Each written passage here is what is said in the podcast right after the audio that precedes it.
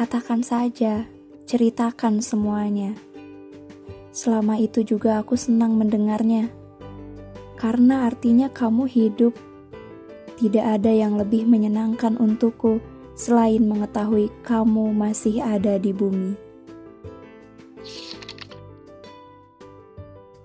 Bagaimana kabarmu?